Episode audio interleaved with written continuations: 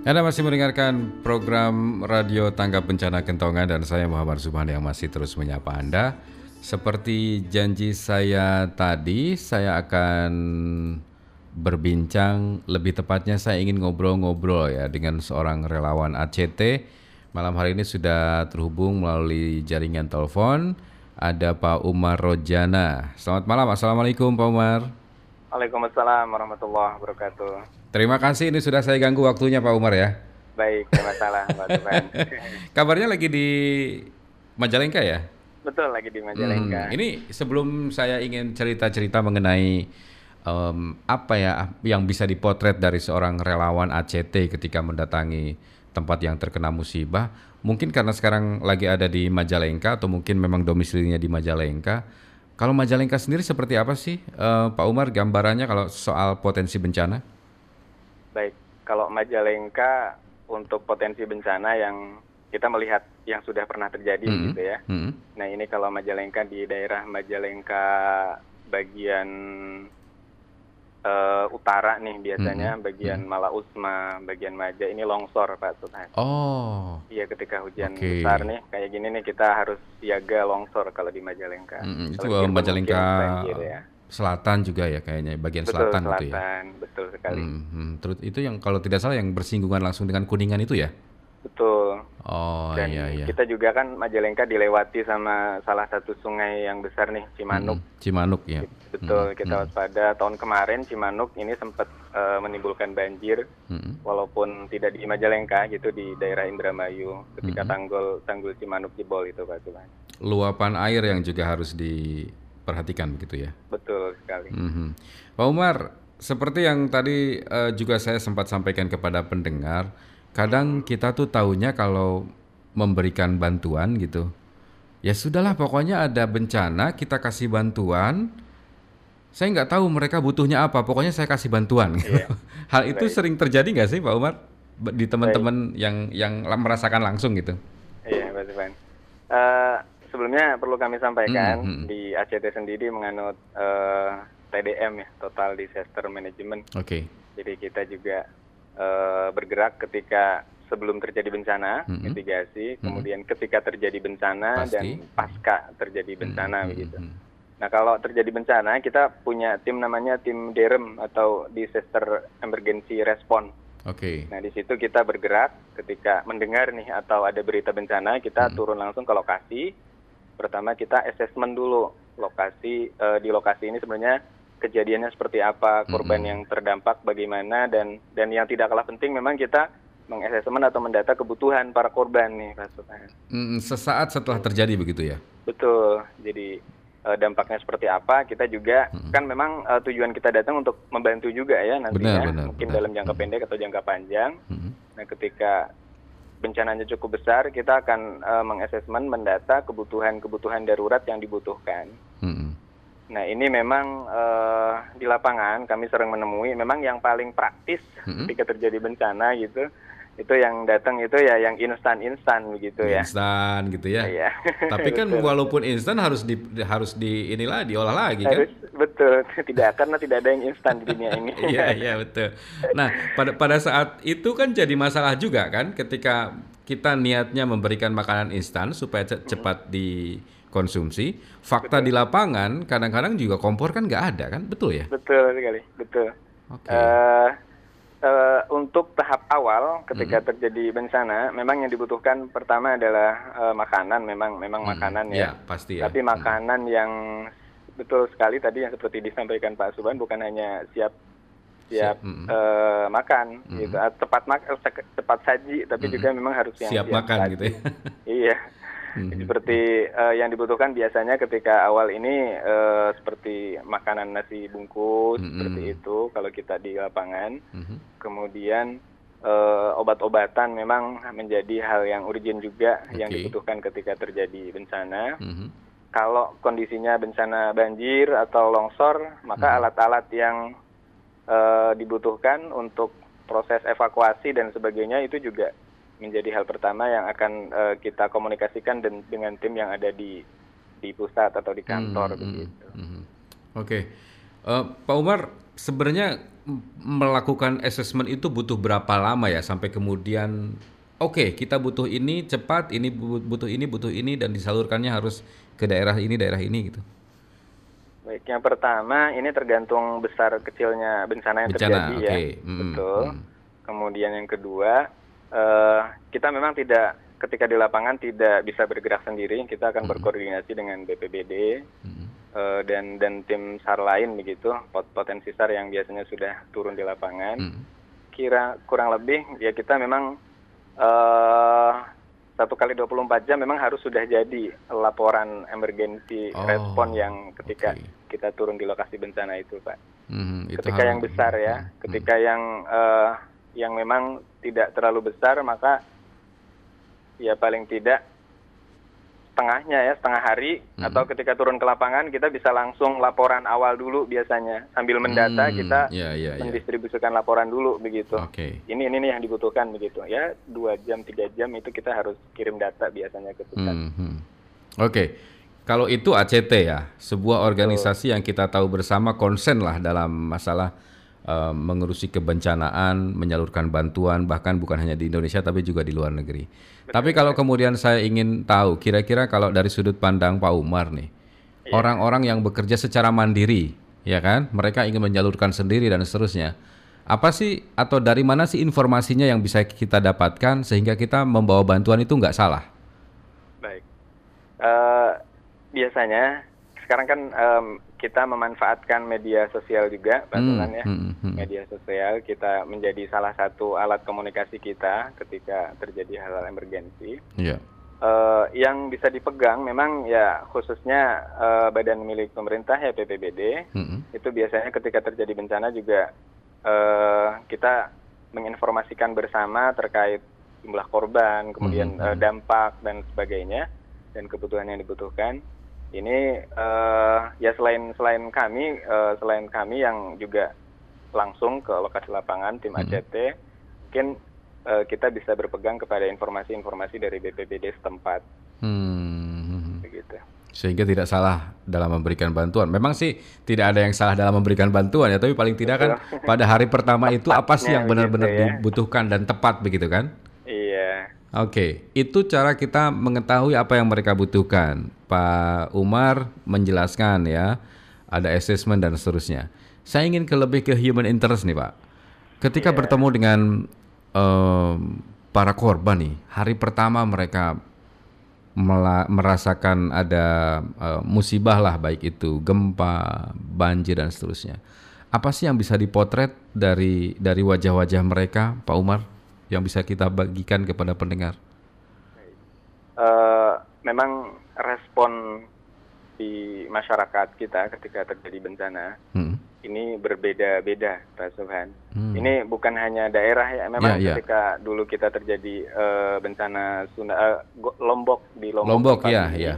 Hmm. Betul, hmm. itu respon masyarakat dengan dengan masyarakat yang ada di Palu dulu ketika tsunami dan likuifaksi ya likuifaksi hmm.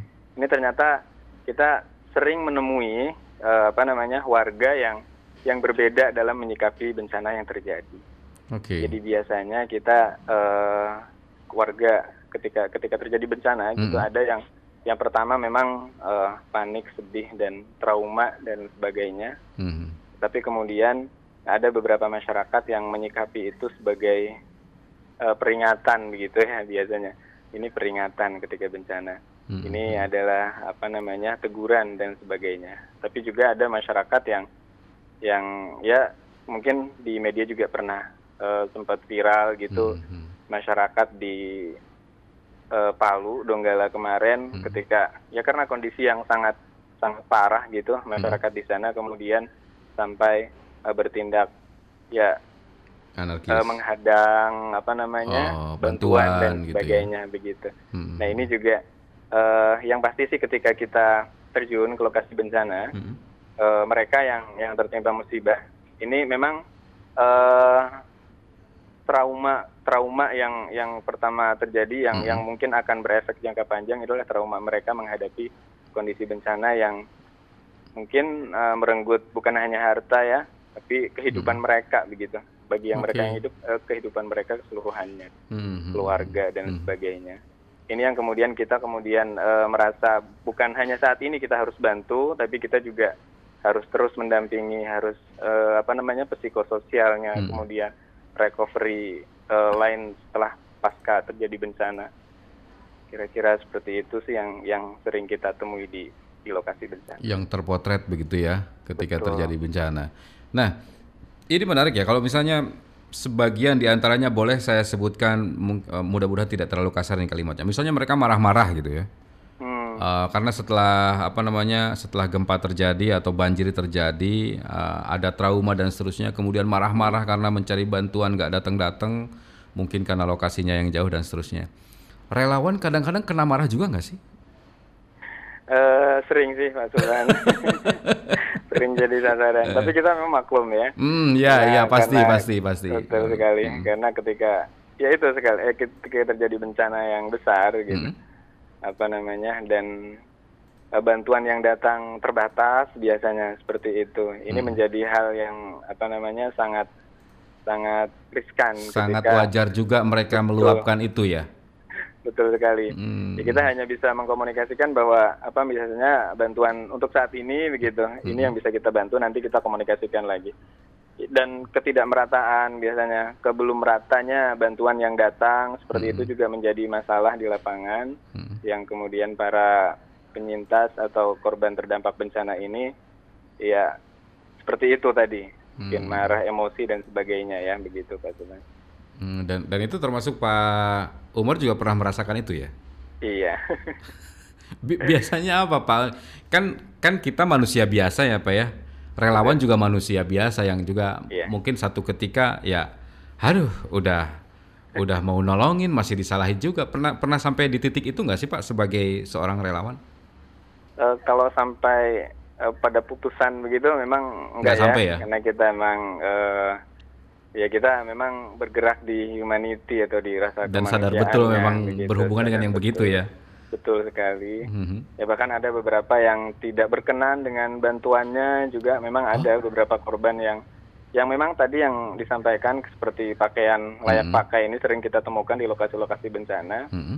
dan sebenarnya sebenarnya ini menjadi masalah baru begitu mm-hmm. karena uh, walaupun korban terdampak begitu ini ketika menerima uh, pakaian dalam tanda kutip ya pakaian bekas mm -hmm, gitu mm -hmm. mereka kadang merasa enggan juga gitu makanya kemudian kita uh, men, apa namanya mensosialisasikan kepada masyarakat alangkah baiknya jika uh, mau nyumbang pakaian atau mau donasi pakaian pakaiannya pakaian baru gitu supaya lebih memuliakan betul juga, betul iya. betul uh, uh, jadi uh. ada ya gitu korban yang tidak berkenan dengan hal-hal seperti itu hmm. dan kita memang uh, sudah apa namanya ya sudah beberapa kali jadi menganggap itu menjadi hal yang Biasa, sudah ya? jangan terlalu dipikirkan oh, gitu. Kayaknya udah kebal lah gitu ya kalau teman-teman iya. di Aceh tema. Pak Umar, saya tadi yeah. beberapa jam sebelum saya telepon Pak Umar, saya kebetulan yeah. ngobrol juga dengan teman yang kalau tidak salah 2018 ya rumahnya itu kebanjiran. Hmm. Nah dia dia cerita juga mengenai betul ya kayak misalnya tadi di awal saya sampaikan mereka tuh bukan butuh makanan cepat saji tapi cepat makan gitu pokoknya betul. siap makan gitu dan seterusnya. Siap makan, ya. Tapi yang menarik adalah ketika misalnya ada bantuan datang, padahal bantuan itu adalah dari keluarganya gitu. Hmm. Misalnya ada keluarganya datang ngasih bantuan bawa berapa gitu dengan mungkin lumayan banyak. Nah orang-orang kan nggak mau tahu itu keluarganya ya serbu iya. aja pokoknya. Iya kan? Misalnya iya, uh, lokasinya berjauhan gitu dan teman-teman ACT misalnya harus melewati satu kampung dulu dan harus menuju ke kampung berikutnya. Sering terjadikah itu Pak penghadangan orang maksa harus ngambil padahal itu sebenarnya bukan untuk kampung itu? Pernah kejadian seperti itu Pak? Uh, pernah sih beberapa kali Pak Suman karena memang uh, Iya, masyarakat penyintas atau warga penyintas atau hmm. terdampak bencana ini memang tidak terlalu seperti tadi karena kondisi darurat ya, ya, ya, ya. kondisi hmm, darurat hmm, hmm. dan menganggap itu adalah bantuan begitu hmm. sehingga mereka merasa berhak juga ya terutama untuk makanan dan dan kebutuhan-kebutuhan emergensi. Emergensi. Ini di di lokasi bencana memang berebut begitu. Artinya Pak. saat itu terjadi kita juga tidak mungkin bisa menyalahkan mereka kan gitu. Betul sekali. Ya hmm. asal tidak sampai pada tahap kriminalitas begitu ya. Hmm. Karena karena untuk ke, untuk kebutuhan yang penting untuk kebutuhan makan gini ini kan hmm. hal yang sangat emergensi betul, buat betul. Uh, ini tidak menjadi apa namanya masalah karena memang beberapa kali juga terjadi seperti itu. Hmm. Dan ya sebaiknya memang bantuan yang apa namanya dialokasikan ketika terjadi bencana memang hmm. harus dikoordinir dengan relawan-relawan yang ada di lapangan. Oke, okay. baik. Pak Umar, saya juga ingin tanya nih, mungkin waktu kita tidak terlalu banyak, tapi saya ingin tanya kalau secara umum nih, tadi sedikit Pak Umar juga hmm. sudah menyampaikan, secara umum masyarakat kita sudah siaga bencana nggak sih? Artinya siaga, siap menghadapi bencana, masyarakat kita sudah tangguh menghadapi bencana. Dan yang paling penting adalah ketika bencana yang sudah terjadi, yang dipotret oleh Pak Umar dan kawan-kawan, lebih banyak yang menerima bahwa ini adalah sebuah ujian, atau yang seperti apa yang tadi mungkin sedikit sudah disampaikan Pak Umar. Uh, untuk masyarakat Indonesia pada umumnya, Indonesia memang uh, boleh dibilang bahasa yang sering beredar itu supermarketnya bencana Pak Sobat ya. hmm, hmm, hmm. Bencana Semua laut, jenis bencana darat, ada ya. Udara, betul ada. Hmm, hmm. Dan memang sudah sangat seharusnya sudah sama semestinya bahwa masyarakat kita ini harus sadar bencana. Hmm. Kita melihat masyarakat kita belum belum kalau saya saya nilai kita masyarakat kita belum belum siaga terhadap bencana. Contohnya bencana apa potensi. Pak Umar yang membuat masyarakat kita belum uh, di beberapa di beberapa daerah karena hmm. memang uh, potensi gempa misalkan nih salah satunya gempa ini gempa kita kan belum ada teknologi yang hmm. uh, bisa memprediksi saat ini terjadi gempa begitu. Hmm. Ini salah satu bukti bahwa masyarakat kita belum sadar bencana juga ya banyaknya korban ketika terjadi bencana. Oh. Ini kita sayangkan. Iya, ini iya, salah iya. satu bukti juga. Sebenarnya, karena mm -mm, belum terbekali dan ini menjadi PR lembaga seperti kami juga begitu mm. bekerja sama dengan lembaga pemerintah uh, apa namanya melakukan sosialisasi mitigasi terhadap bencana-bencana atau kondisi bencana yang mm. yang kemungkinan besar terjadi seperti itu. Oke. Okay. Dan ketika terjadi bencana, kami melihat ini bukan sekedar ujian kalau ACT melihat ini adalah uh, apa namanya Tuhan sedang menyapa kita begitu Hmm. Tuhan sedang menyapa kita. Uh, bukan hanya ujian bagi kita atau bagi mereka yang tertimpa bencana, tapi hmm. juga ini ajakan untuk kita peduli, ya, untuk kita care, untuk kita bisa bersama-sama mengatasi hmm. bencana yang terjadi di mana pun itu terjadi. Hmm. Begitu. Harapannya tentu dengan seringnya kita memberikan edukasi, masyarakat makin sadar betul bahwa kita berada di satu negara yang disebut supermarket bencana ya. Pak Umar ya. Oke, okay. terakhir nih Pak Umar, uh, saya malam hari ini sedang bertanya kepada pendengar. Ketika misalnya kita um, mengantarkan anak begitu ya ke sekolah, yang yang kita maksud adalah sekolah dasar lah, anak-anak kecil sekali. Um, sebenarnya bahasa yang paling mudah dimengerti anak-anak itu seperti apa ya? Memberikan pemahaman bahwa kan gempa bisa saja terjadi, banjir sekarang lagi musim hujan bisa saja terjadi bahasa yang paling mudah itu kira-kira kalau Pak Umar bisa memberikan masukan nih kira-kira bagaimana ya untuk memberikan uh, pemahaman kepada anak-anak di bawah umur kepada anak-anak ya hmm. uh, kita memang beberapa kali pernah ke SD biasanya lokasi SD hmm. untuk mitigasi gempa uh, ya kita memang uh, rata-rata ketika kita tanya ketika terjadi bencana gempa banjir ya mereka oh. bilangnya lari gitu entah lari ke mana begitu iya iya iya lari iya. gitu uh, uh, biasanya kita uh, mengasumsikan bahwa sebenarnya apa adanya sih apa adanya artinya kita juga dengan bahasa-bahasa apa adanya bahwa mm -hmm. kita memang rawan bencana mm -hmm. dan ketika kalau banjir ini yang atau gempa atau kebakaran dan sebagainya mm -hmm.